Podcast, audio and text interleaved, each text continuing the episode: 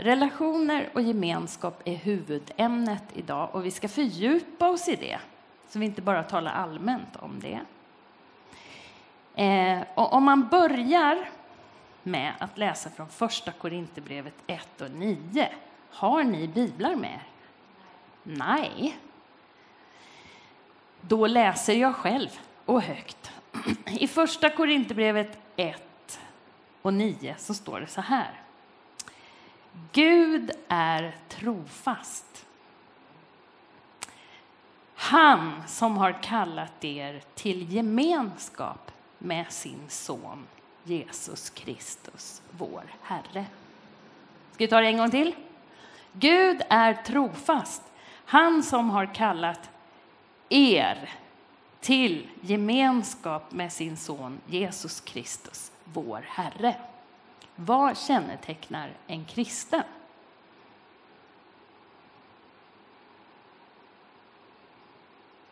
Är det någon som vågar? Vad kännetecknar en kristen?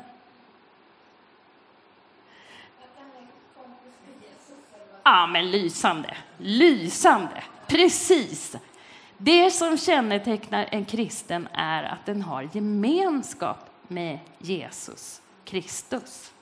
Alltså, den kännetecknas inte av att den har jeans eller knut i nacken eller grönt hår eller eh, kjol eller plisserad blus, nej, kjol och knutblus. Alltså, den kännetecknas inte av det yttre utan den kännetecknas av att vi har gemenskap med Jesus Kristus. Och läser man sen ifrån första Johannes brev, eh, det första kapitlet och den tredje versen, så förstår man att det är inte bara på ett ställe detta står, utan det står överallt. Så här står det i första Johannes brev, det första kapitlet, och så läser jag några verser framåt. Det som var till från begynnelsen, det vi har hört och det vi har sett med egna ögon, det vi har skådat och det vi har tagit på med våra händer, det vill säga Jesus. För det är Johannes som säger det här.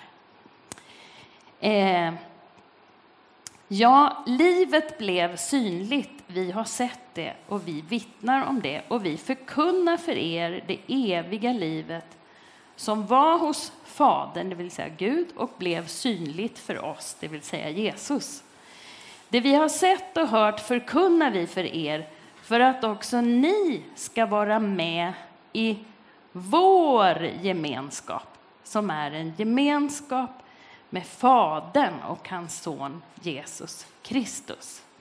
Så nu har vi sagt två saker. Det första, vi är kallade till gemenskap med Jesus Kristus och sen är vi kallade till en gemensam gemenskap med Fadern och med Jesus Kristus. Så ett, vi kallar det till gemenskap två, vi kallar det till gemenskap tre, vi kallar det till gemenskap fyra, vi kallar det till gemenskap fem.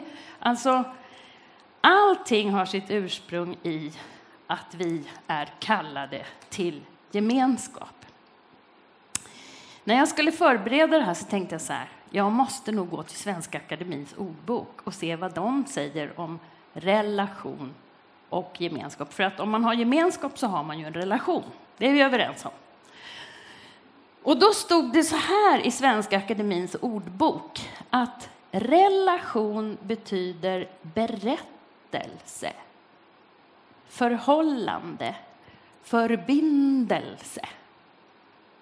Det betyder relation. Jag blev lite så här, jaha, står det berättelse här? Hmm, varför gör det det? Så tänkte jag, det kan ni prata med varandra om nu. Två minuter får ni på er att prata om. Varför säger Svenska Akademins ordbok berättelse? Att det står förbindelse och förhållande, det är ju inte så konstigt. Men berättelse, varför står det berättelse? Nu! Mm, vad tänker ni nu då? Vad säger ni till varandra? Varför står det i Svenska Akademins ordbok att det är en berättelse? att ha gemenskap, relation. Just det, hörde ni vad han sa? Om man samlas kring en berättelse så får man en gemenskap och en relation till berättelsen och till varandra. Ja, men precis. Men nu måste jag visa er en sak. Det här är ju ett ljus, eller? Eller vad är det för något? Det är en ljusstake. Och vet ni en sak? Att det här är en sak. Eller hur? Det här är en sak.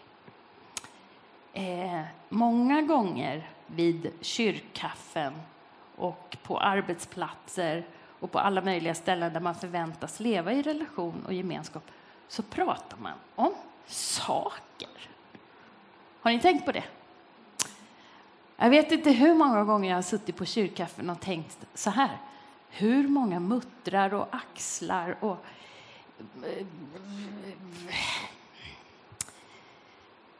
ja, prylar på en bil kan man prata om?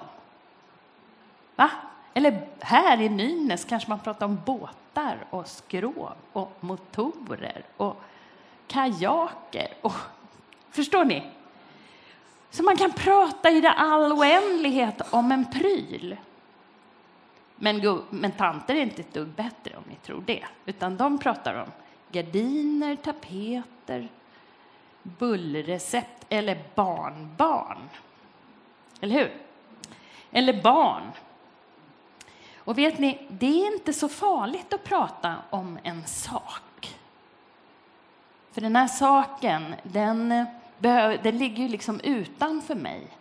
Den behöver man inte känna sig... Men om du säger så här, men jag tycker egentligen inte om såna här. Jag skulle vilja att den är rakare och att den är lite mindre krusiduller på. Jag skulle vilja ha ett svart ljus istället för ett vitt ljus. Alltså man kan hålla på och prata om det här hur länge som helst och det är inte särskilt farligt. Det blir man inte hotad av. Men om man ska bygga, som du sa, en relation kring en berättelse eller en, en man ska bygga en djupare relation som faktiskt Bibeln försöker beskriva, då måste man börja samtalet med att säga så här. Jag känner. Jag tycker. Jag tänker och jag drömmer om. Det här skulle jag vilja. Och så fort man börjar samtalet med jag, då blir det genast lite läskigare. För då måste man börja tala om det man fakt som ligger innanför en själv. Och när man börjar tala om det, då blir man helt plötsligt sårbar. Och då är det mycket läskigare än att prata om en pryl. Eller ett gemensamt intresse eller någonting. För så fort man börjar prata om vad man själv drömmer om och vad man själv känner, då, kan, då är man faktiskt orolig för vad andra ska göra med det. För tänk om någon säger, men tycker du så där? Så kan man väl inte tycka? Och så börjar man liksom känna, nej, kanske man inte kan. Och så blir man orolig och så stänger man och så är det mer, det är mindre liksom farligt att prata om ljusstaken. Är ni med? Så att den, den, den här frågan är faktiskt väldigt viktig. Och om ni är riktigt uppmärksamma på era jobb eller i olika sammanhang där ni förväntas leva i någon sorts relation så krävs det ganska lång tid innan man litar på varann så mycket så att man faktiskt vågar börja en mening med jag. Men en församlingsgemenskap eller en kyrkgemenskap eller en smågruppsgemenskap eller förväntas faktiskt vara en gemenskap där man kan känna sig så trygg så att man kan börja fördjupa gemenskapen. Det vill säga att man kan känna sig trygg och accepterad som den man är.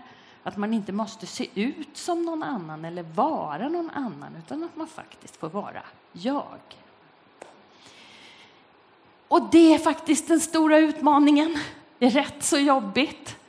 För att de allra flesta, om man ska välja, så väljer man folk med gemensamma intressen. Och, men en församling är inte en intresseförening, utan det är en trosgemenskap som bygger på en gemensam övertygelse och en gemensam berättelse. Det är lite svettigt, men Men så är det. Vad tänker ni? Ja, det är en bra fråga. Är det bara jag som tycker det är svettigt?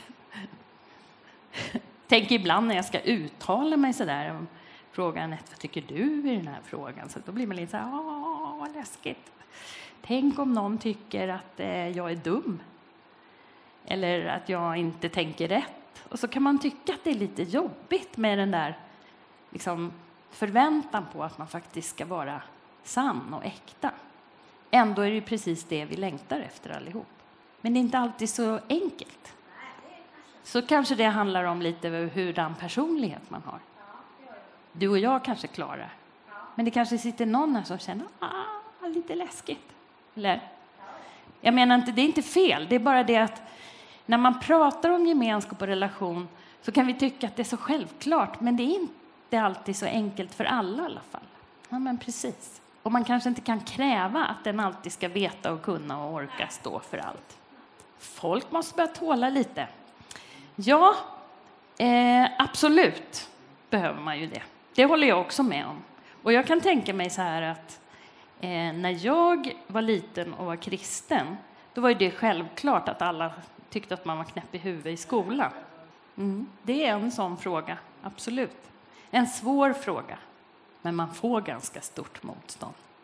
Alltså, jag menar, det är precis som du säger, man måste orka stå för någonting när alla andra är emot. Och det är inte alltid så lätt.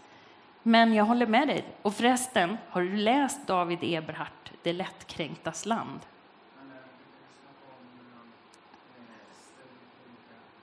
Visst är han bra? Ja, det tycker jag med. Jag tycker han är jättebra. Och jag, jag, jag utgår från att, att eh, man inte kränker någon bara för att man har en annan uppfattning. Jag tänkte säga det att när jag gick i skolan, så jag, jag är ju född på 50-talet och under 60-talet då fick man ju inte, då fick man ju inte tala trosfrågor överhuvudtaget för då var man verkligen dum i huvudet. Så jag hade en klasskamrat, han brukade ta mig i, i fötterna så här. Och jag låg på golvet och så tog han mig i fötterna och så sprang han runt i vårt, i vårt eh, det här rastrummet och sprang allt vad han orkade. Så att jag liksom for runt där som en liten vante. Och så har jag tänkt på det många gånger. Att när jag, jag vet inte ens om jag berättade det för mina föräldrar, men om man hade gjort det idag, då hade man fått veta.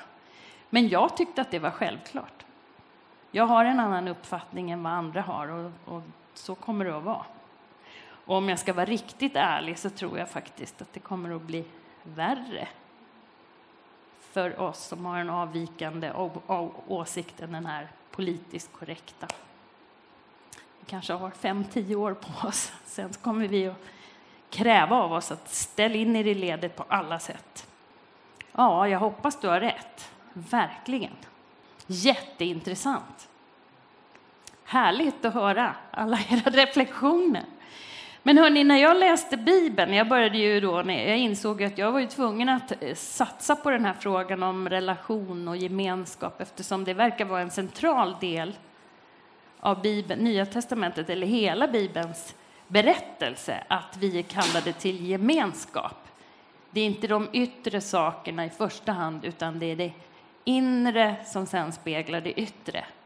Eh, och då var jag tvungen att titta i Nya testamentet vad det finns för metaforer för relationer och gemenskap. Så då börjar jag med att läsa ifrån första Johannesbrev 3 och 1. Där står det så här. Vilken kärlek har inte Fadern skänkt oss när vi får heta Guds barn? Det är vi. Världen känner den inte, och då måste jag säga att världen i det här sammanhanget är inte en plats, utan det är en tidsanda som kallas världen. Världen känner oss inte därför att den aldrig har lärt känna honom, det vill säga Fadern. Mina kära, nu är vi Guds barn. Vad säger ni om det? Det är en metafor. Alltså att Gud beskriver sig själv som pappan. Och i Lukas 11 så står det så här, om nu ni människor som i grunden är onda förstår att ge era barn goda gåvor, hur mycket mer ska inte då er himmelske fader ge goda gåvor till dem som ber honom om helig ande? Det vill säga, Nya testamentet beskriver Fadern som en pappa upphöjd till hundra eller tusen. Det vill säga, om nu jag har haft en god pappa, nu har inte alla haft det, men jag hade en god pappa. Om jag, hade haft en, om jag har en god pappa så är ändå den himmelska Fadern, alltså metaforen i Nya testamentet för den här djupa gemenskapen, är en pappa upphöjd till hur mycket som helst. Ni förstår vad jag menar? Eh, om jag ska tala om min pappa så var min pappa, nu är han död, men han, han på måndagarna när jag, predikanter är lediga på måndagarna ofta. Och så jag var ledig på måndagen, då åkte jag hem till min mamma och pappa, och särskilt de sista åren när de var sjuka och, och gamla. Så jag åkte hem och så satt jag och kom in till mamma och pappa och då sa alltid min mamma så här, ska jag sätta på kaffe? Ja, det kan du göra. Så satte sig pappa på en stol i vardagsrummet som var hans älsklingsstol och så sa han, sätt dig i soffan Anette. Ja. Så satte jag mig i soffan och så sa han, hur har du det? Ja, och så fick jag berätta. Och då fick jag ju ösa ur mig allting och det hör ju till berättelsen att han också var predikant precis som jag. Så nej, hur har du det? Då menar han, berätta hur du, hur har du det på jobbet och hur går det och hur är det och så där. Och då var det så med min pappa att även om han inte alltid höll med mig om det jag tyckte, tänkte och ville och kände så var han alltid på min sida. Hade det kommit upp någon och sagt Annette, då hade han ställt sig framför och sagt nej, hon är min. Alltså han hade ställt sig på min sida vad som än hade hänt, även de gånger han inte tyckte att jag var okej okay, eller att jag handlade okej. Okay. Och då, om han då som en människa förstår att vara en sån pappa så kan vi bara tänka oss hur vår himmelska pappa är. Han ställer sig framför dig hela tiden och säger nej, han är min, hon är min. Alltså, den där papparollen är en metafor av en djup innerlig gemenskap som handlar om samhörighet och som handlar om att, att man står upp för någon som är svagare eller som inte är eh, i samma position som jag. Hänger ni med? Så att den här pappa-metaforen som finns i Nya testamentet, det är en stark bild på gemenskap. Och det står inte så här att vi kanske är Guds barn, utan det står det är vi. Punkt. Ett statement, skulle man kunna säga.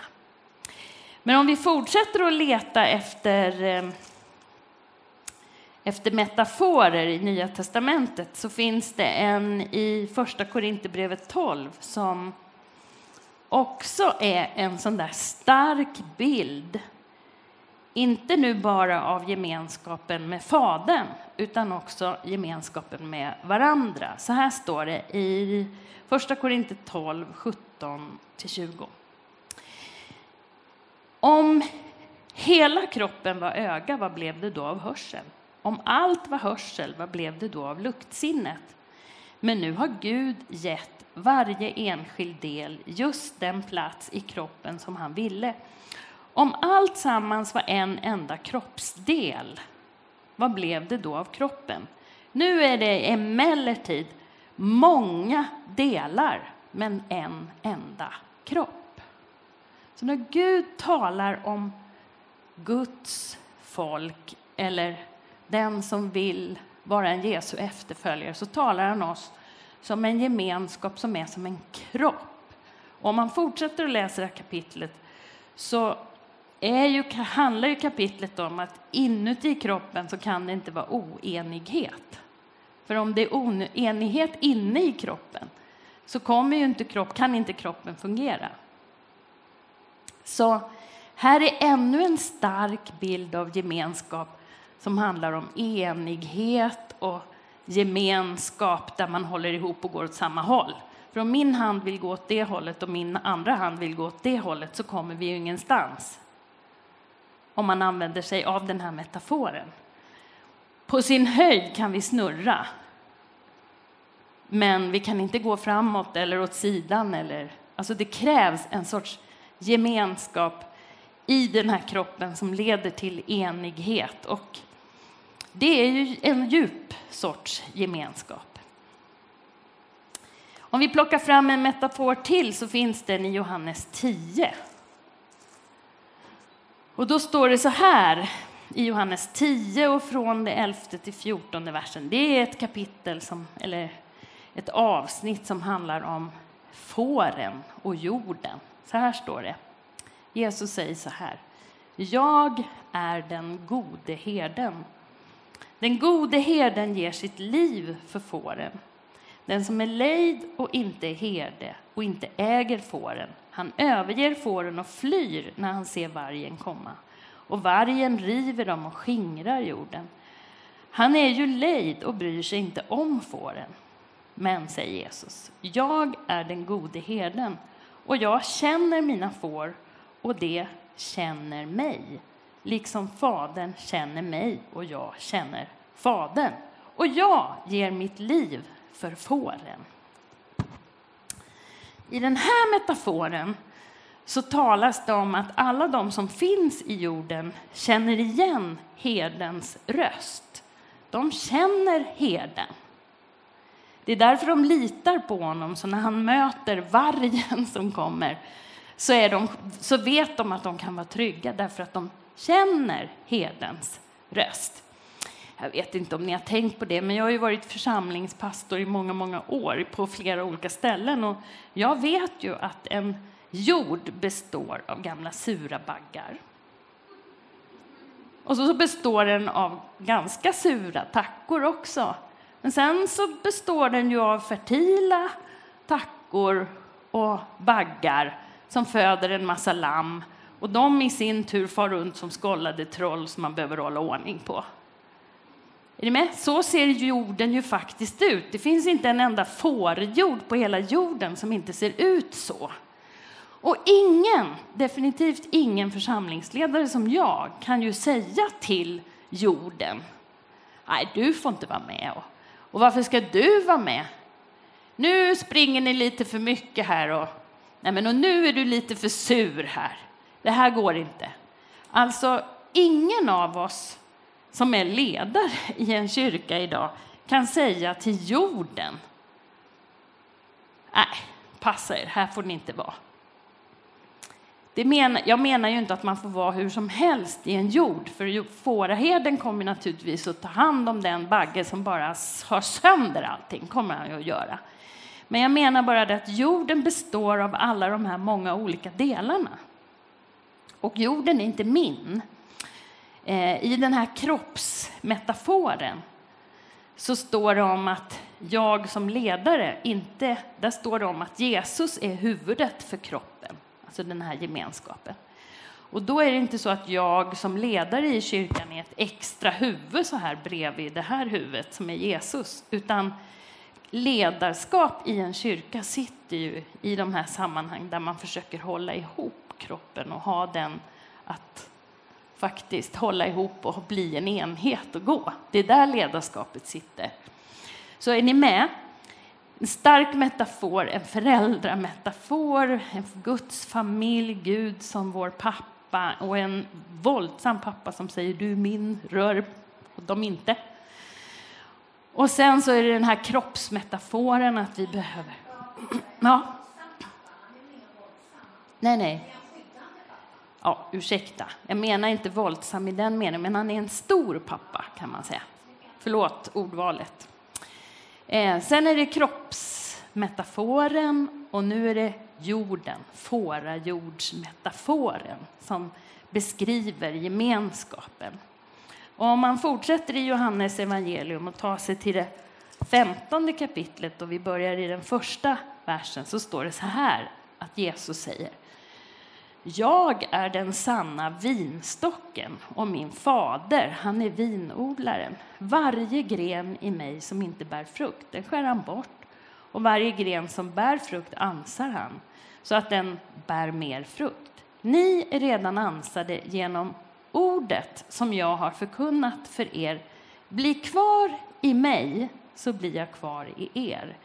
Liksom grenen inte kan bära frukt av sig själv om den inte sitter kvar på vinstocken kan inte heller ni göra det om ni inte är kvar i mig. Jag är vinstocken, ni är grenarna. Om någon är kvar i mig och jag i honom så bär han rik frukt. Utan mig, säger Jesus, kan ni ingenting göra. Vad skönt att det är så. Det är också en stark metafor för gemenskap och relation. En vinstock och vi sitter fast i, de här, i den här som grenar. Och då är det ju jätteviktigt när man har ett levande material som en vinstock att saven kan gå ut i grenarna. För att om saven kan gå ut i grenarna så bär vinstocken frukt. Men om den torkar bort grenen, då, liksom, då är det ju dött, då funkar det inte. Så då står det ju här att då tar han bort de här grenarna som, har, som är döda. Och så säger Jesus, utan mig kan ni ingenting göra. Då är vi tillbaks där igen. Gud är trofast. Han har kallat oss till gemenskap med Jesus Kristus. Så beskriver han i den här berättelsen om vinstocken att eh, Fadern och han, Fadern är det som äger vinstocken och han är vinstocken och vi är grenarna. Någonting som är djupt sammanflätat med varandra för att det överhuvudtaget ska fungera. Så det är en stark metafor för den här relationen och gemenskapen. Och fortsätter man i samma kapitel så använder Jesus en metafor till och det är den här. Det här har jag sagt er för att min glädje ska vara i er. Och er glädje ska bli fullkomlig. Mitt bud är detta, att ni ska älska varandra. Så som jag har älskat er, hur har Jesus älskat? Han gav sitt liv för oss. Ingen har större kärlek än den som ger sitt liv för sina vänner. Ni är mina vänner, säger Jesus. Så det är ju jättestarka berättelser om en djup innerlig gemenskap och relation som beskrivs i, den här, i de här olika berättelserna i Nya testamentet. Men vet du vad det stod? Att det var inte vin, det var inte grenarna som rensade bort grenarna, utan det var Fadern som rensade bort grenen eller ansade grenen genom ordet. Och där tror jag kanske att vi har misslyckats emellanåt. Att man håller på och piskar varann. Men då finns det fortfarande lite liv i den. Ja, men den har börjat sloka lite och den är lite den kanske har lite trassligt sådär, så den behöver lite hjälp uppåt. Ja. Man behöver prata med den, ja. Lite koldioxid så här. Så blir det bra. Ja, men det är rätt. Man tar hand om den också. Det är också att ansa.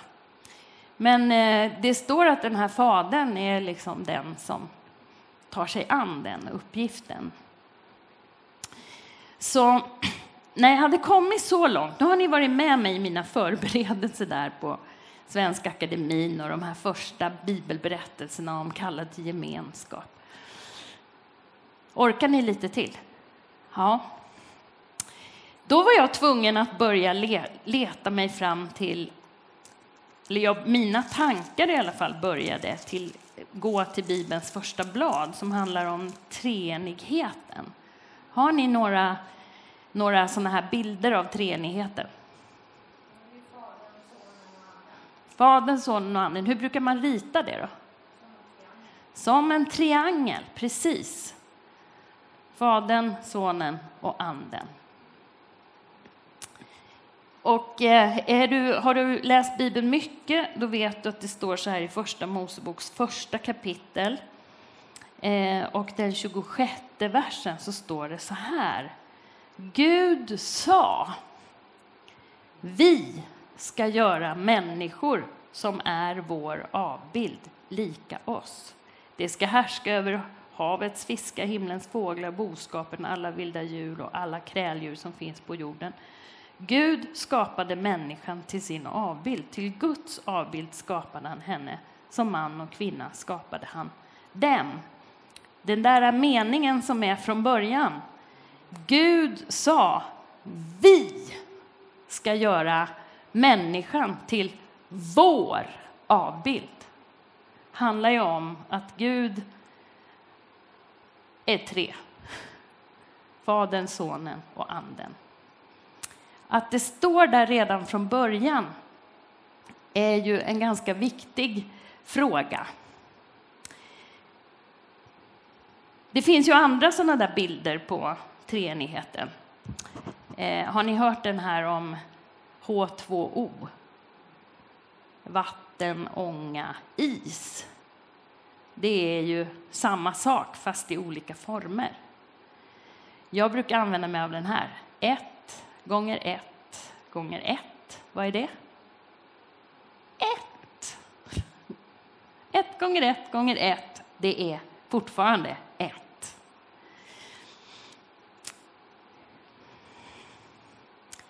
Så här har en, en teolog som heter J.A. Packer sagt.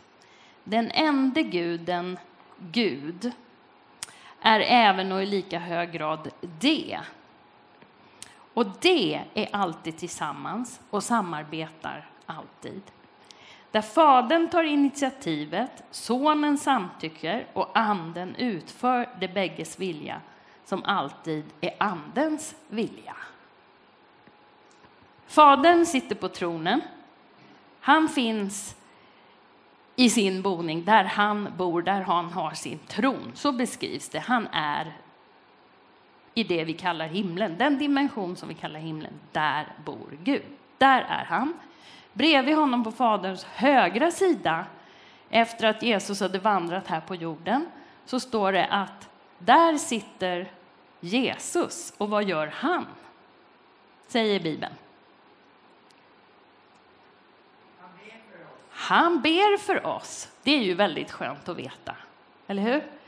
Att han ständigt ber för oss. Så när du och jag inte orkar be så vet vi att det finns någon som ber, nämligen Jesus.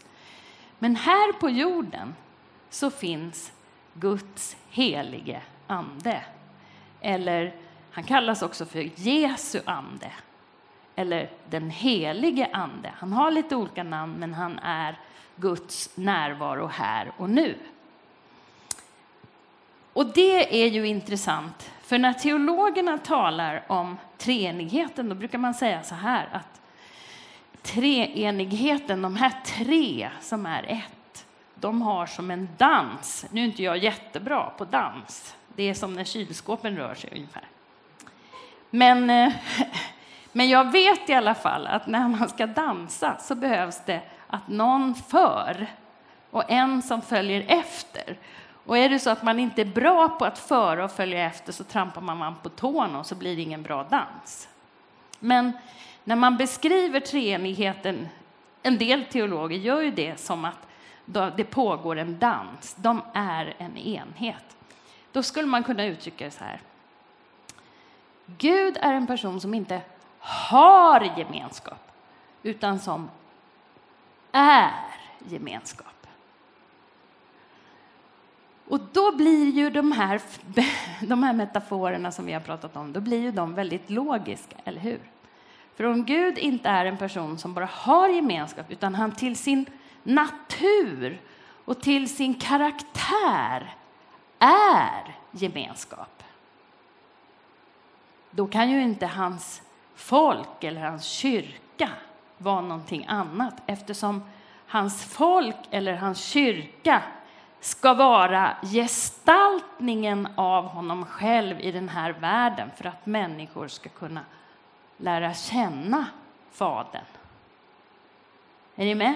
Så då är det ju logiskt att vi som Guds folk behöver leva i gemenskap, för det är bara då vi kan gestalta honom som inte har gemenskap bara, utan som är gemenskap.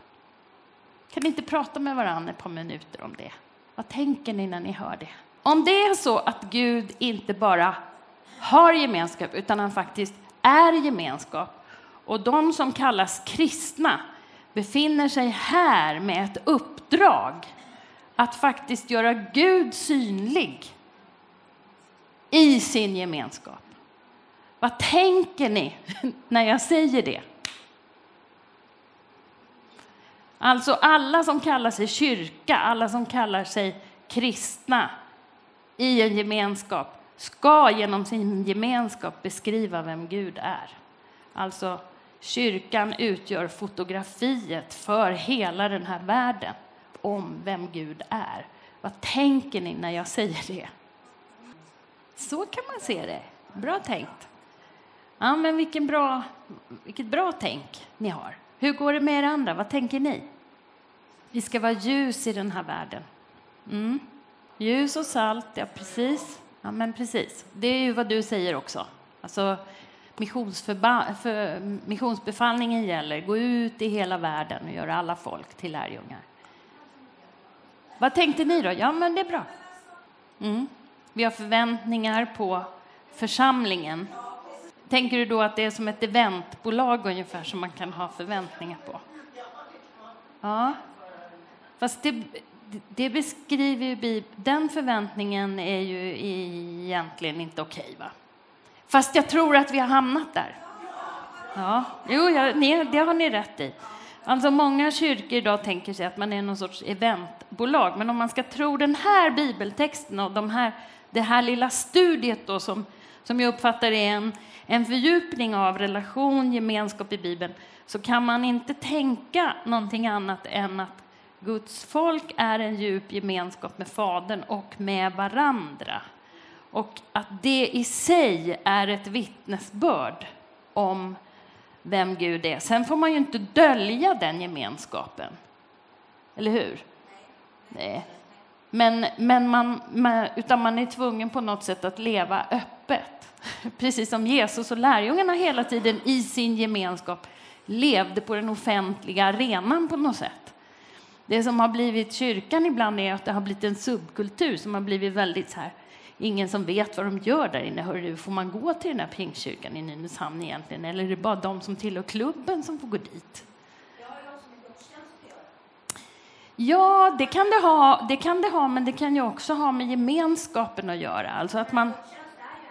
Absolut, absolut. Det har delvis med gudstjänsten att göra, men inte bara med gudstjänsten, utan också med hur vi behandlar varann, hur vi behandlar folk på våra arbetsplatser, hur vi behandlar... För att, hur vi bemöter alla, i princip.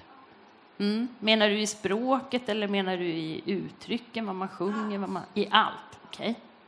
Ja. Men eh, fast, fast man kan bara ha en kultur. Man kan ha mångfald, tycker jag. Alltså, man kan ha mångfald, det vill säga att man uttrycker sig på lite olika sätt och man har lite olika eh, i, I kyrkan, i Efesierbrevet till exempel, så sägs, står det om aposteln, profeten och läraren och herden och, och eh, eh, vad glömde jag nu då? Profeten. Alltså det är på något sätt mångfald, men det behöver ha en kultur eller ett Ja, förstår du? För att om man har för många kulturer, då spricker det. Ja, men det där handlar kanske mer om kommunikation och det kan ju vara e- ett annorlunda sätt att kommunicera. Ehm, och, och det kan kanske behöva moderniseras. Man behöver ju liksom inte prata kanans tungomål. Nej, för då blir det ju obegripligt. Ehm, men, men jag... Alltså, på något sätt så måste ändå Gud och gemenskapen med honom vara huvudsyftet med gudstjänsten och gemenskapen med varann. Alltså I den här mixen så måste det liksom det måste finnas en essens där av att eh, Hemma på Värmdö har vi bestämt till exempel att våra förmiddagsgudstjänster, där står Gud alltid i centrum. Ja, fast egentligen är det inte det. Ja, precis. Fast egentligen kanske det inte är det alltid, utan det är så här, vem, vem kommer på vår gudstjänst? Och så ställer man den i centrum. Då blir det ju lätt att man förlorar sig i någon sorts... Ja, men precis. Försöker man bli ett eventbolag. Ja. Och det, det, det ger oss inte Bibeln rätt att ha.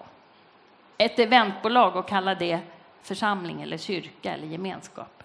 Det är jätteviktigt att han sitter på högra sidan, för i den, i den eh, eh, antika eller i, de, i, den, i den textmiljön, så allting som sker på höger sida handlar om kraft och makt. Det vill säga att om, det står ju till exempel att han, han sitter på högra sidan, men så står det att Gud, i Gamla testamentet så står det att han använder sin makts högra hand. Det betyder liksom att det är en maktfaktor, det vill säga att han har kraft och han har makt. Därför står det högra sidan. Ja, ja, ja det var så lite så. ja. Men, eh, men det är ju jättehärligt att det står så, för det betyder ju ändå att, att det Jesus är och vill är makt och kraft, att han har kraft och makt i sin. Så nu när vi har kommit så här långt i min tankevärld, för ni är ju med mig i min tanke, min förberedelse och min tankevärld där jag har förberett mig för de här orden gemenskap och relation. Tycker ni att ni har fått en lite djupare förståelse för gemenskap och relation i allmänhet av det som vi tycker alltid borde vara det som kännetecknar våra gudstjänster, för det tycker vi. Och jag svarar på frågan varför det behöver vara så. Nämligen, Gud har inte bara relation. Han är till sin karaktär och sin personlighet. Och då kan inte vi gestalta någonting annat än det han är. Vad säger ni grabbar där bak? ja, det är fint. Det är fint. Men nu, nu kommer jag liksom, jag är ju tvungen att sätta mig ner och grubbla lite över vad är det för ord som används i Nya testamentet när Gud genom evangelisterna och genom pastoralbreven ska beskriva kyrka. Och då menar inte Nya testamentet den här byggnaden.